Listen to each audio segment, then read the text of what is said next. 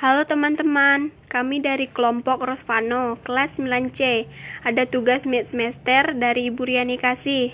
Kami ingin membaca cerita tentang Kartu Pos dari Surga, karya Agus Nur.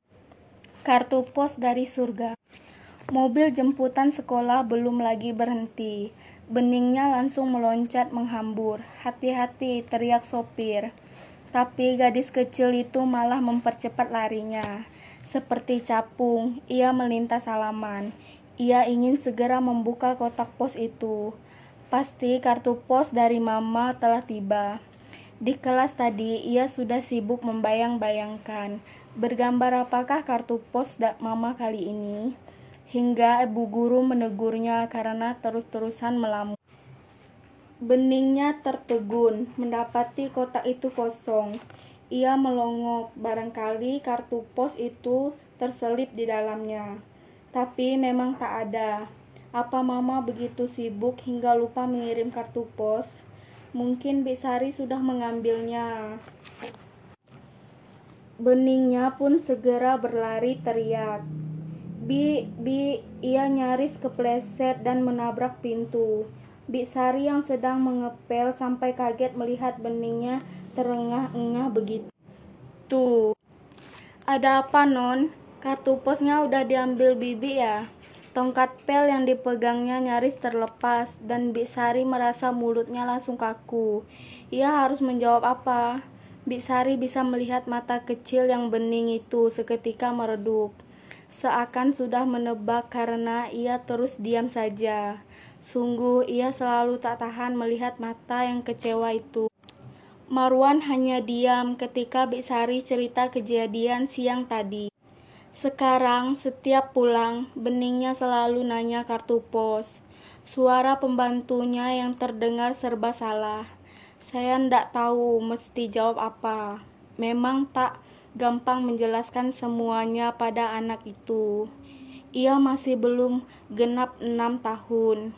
Marwan sendiri selalu berusaha menghindari jawaban langsung apabila anaknya bertanya, Kok kartu pos mama belum datang ya pak?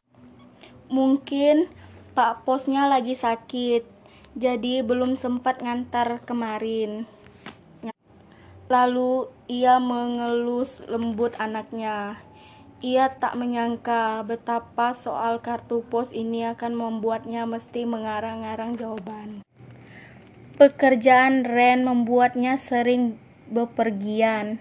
Kadang bisa sebulan tak pulang dari kota-kota yang disinggahi. Ia selalu mengirimkan kartu pos buat beningnya. Marwan kadang meledek istrinya hari gini masih pakai kartu pos. Karena Ren sebenarnya bisa telepon atau kirim SMS. Meski baru playgroup, beningnya sudah pegang HP. Sekolahnya memang mengharuskan setiap murid punya handphone agar bisa dicek sewaktu-waktu, terutama saat bubaran sekolah untuk berjaga-jaga kalau ada penculikan.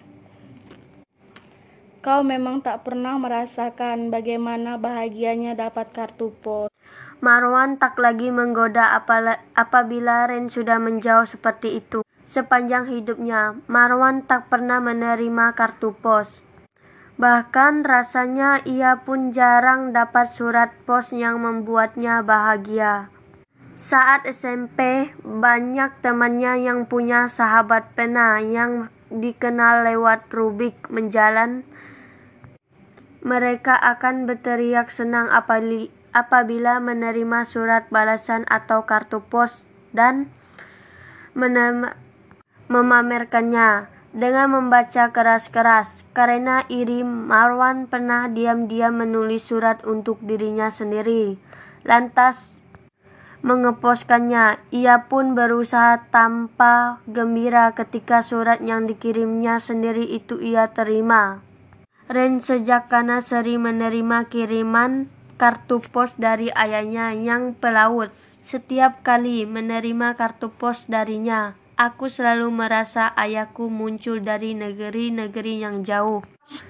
Negeri yang gambarnya ada dalam kartu pos itu, ujar Ren. Marwan ingat bagaimana Ren bercerita dengan surat penuh ke kenangan. Aku selalu mengeluarkan semua kartu pos itu setiap ayah pulang. Ren kecil duduk di pangkuan sementara ayahnya ber berkisah keindahan kota-kota pada kartu pos yang mereka pandangi. Itulah saat-saat menyenangkan dan membangun membanggakan punya ayah pelaut. Ren merawat kartu pos itu seperti merawat kenangan. Mungkin aku memang jadul. Aku hanya ingin beningnya punya kebahagiaan yang aku rasakan. Tak ingin membatangkan, Marwan diam meski tetap saja ia merasa aneh dan yang lucu pernah suatu kali Ren sudah pulang tetapi kartu pos yang dikirimnya dari kota yang disinggahi baru sampai tiga hari kemudian. Ketukan di pintu membuat Marwan bangkit dan ia mendapat begi beningnya berdiri sayu menenteng kota kayu. Itu kota kayu pemberian Ren. Kotak kayu yang dulu juga dipakai Ren menyimpan kartu pos dari ayahnya. Marwan melirik jam dinding kamarnya, pukul 11 lewat 20. Nggak bisa tidur ya? Mau tidur di kamar, Pak? Marwan mengandeng anaknya masuk. Besok papa bisa antar beningnya enggak? Tiba-tiba anaknya bertanya, nganter ke mana? Mal, begininya mengeleng. Ke mana? Ke rumah Pak Pos. Marwan merasakan sesuatu mendersi di dalamnya. Kalau emang Pak Posnya sakit, biar besok beningnya aja yang ke rumah ngambil kartu pos dari mama. Marwan hanya diam. Bahkan ketika anaknya mulai mengeluarkan setumpuk kartu pos dari kota itu, ia mencoba menarik perhatian beningnya dengan memutar DVD Pocoyo, kartun kesukaannya, namun beningnya terus sibuk memandangi gambar-gambar kartu pos itu. Sudut kota tua, siluet menara dengan burung-burung melintas langit jernih. Sepeda yang berjalan di tepian kanan, pagoda kuning keemasan, deretan kafe payung warna sepia, derak magod dengan deretan Yet tertambat air mancur dan patung bocah bersayap gambar pada dinding goa. Bukit karang yang menjulang, semua itu terlihat tampak lebih indah dalam kartu pos. Rasanya ia kini mulai dapat memahami kenapa seorang pengarang bisa begitu terobsesi pada senja dan ingin memotongnya menjadi kartu pos buat pacarnya. Andai ada Ren, pasti akan dikisahkannya gambar-gambar di kartu pos itu hingga beningnya tertidur. Ah, bagaimanakah ia mesti menjelaskan semuanya pada bocah itu? Bilang saja mamanya pergi, kata Ita, teman sekantor. Saat Marwan makan siang bersama, Marwan masih ngantuk karena baru tidur menjelang jam 5 pagi setelah beningnya pulang. Bagaimana kalau ia malah terus bertanya, kapan pulangnya? Ya sudah, kamu jelaskan saja pelan-pelan yang sebenarnya. Itulah. Ia selalu merasa bingung dari mana mesti memulainya. Marwan menatap Ita, yang tampak memberi isyarat agar ia melihat ke sebelah. Beberapa rekan sekantornya terlihat tengah memandang mejanya dengan mata penuh gosip. Pasti mereka menduga ia dan Ita. Atau kamu bisa saja tulis kartu pos buat dia, seolah-olah itu dari Ren. Marwan tersenyum, merasa lucu karena ingat kisah masa lalunya.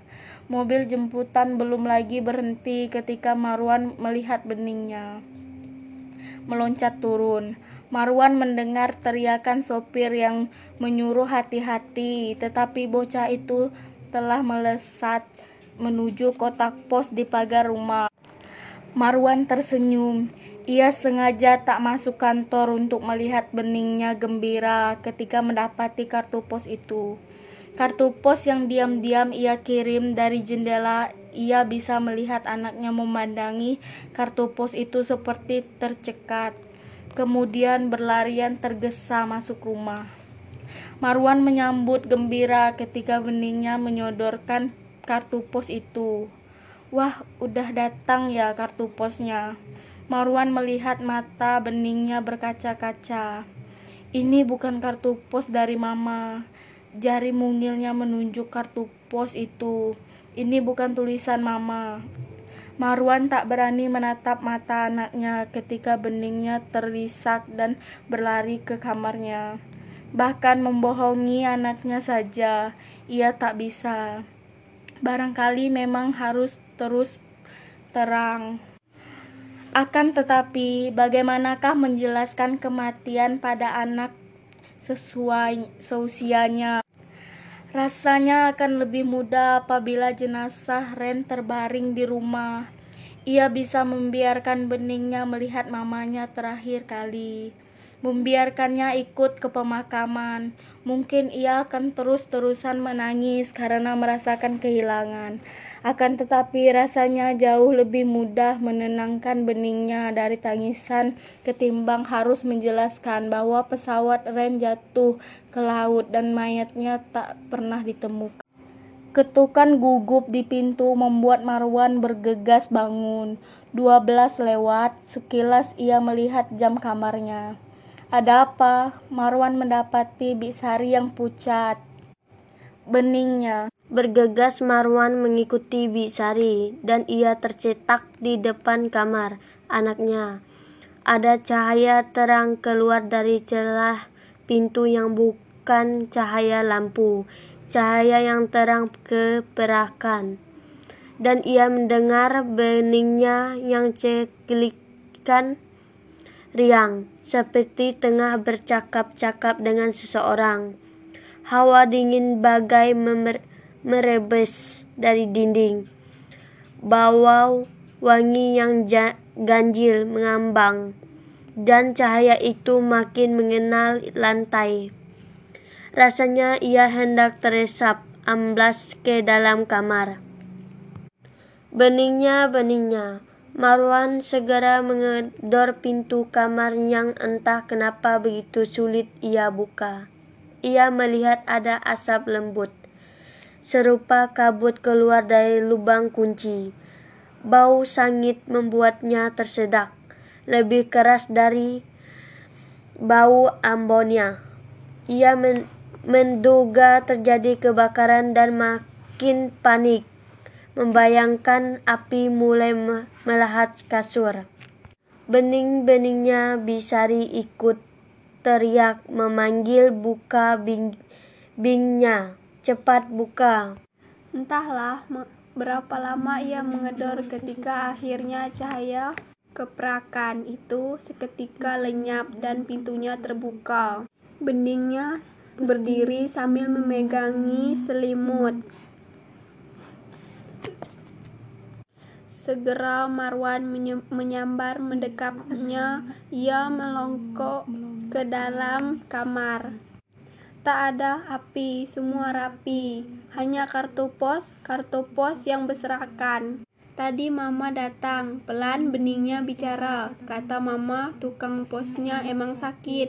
Jadi mama mesti ngantarin kartunya sendiri. Beningnya mengeluarkan tangan.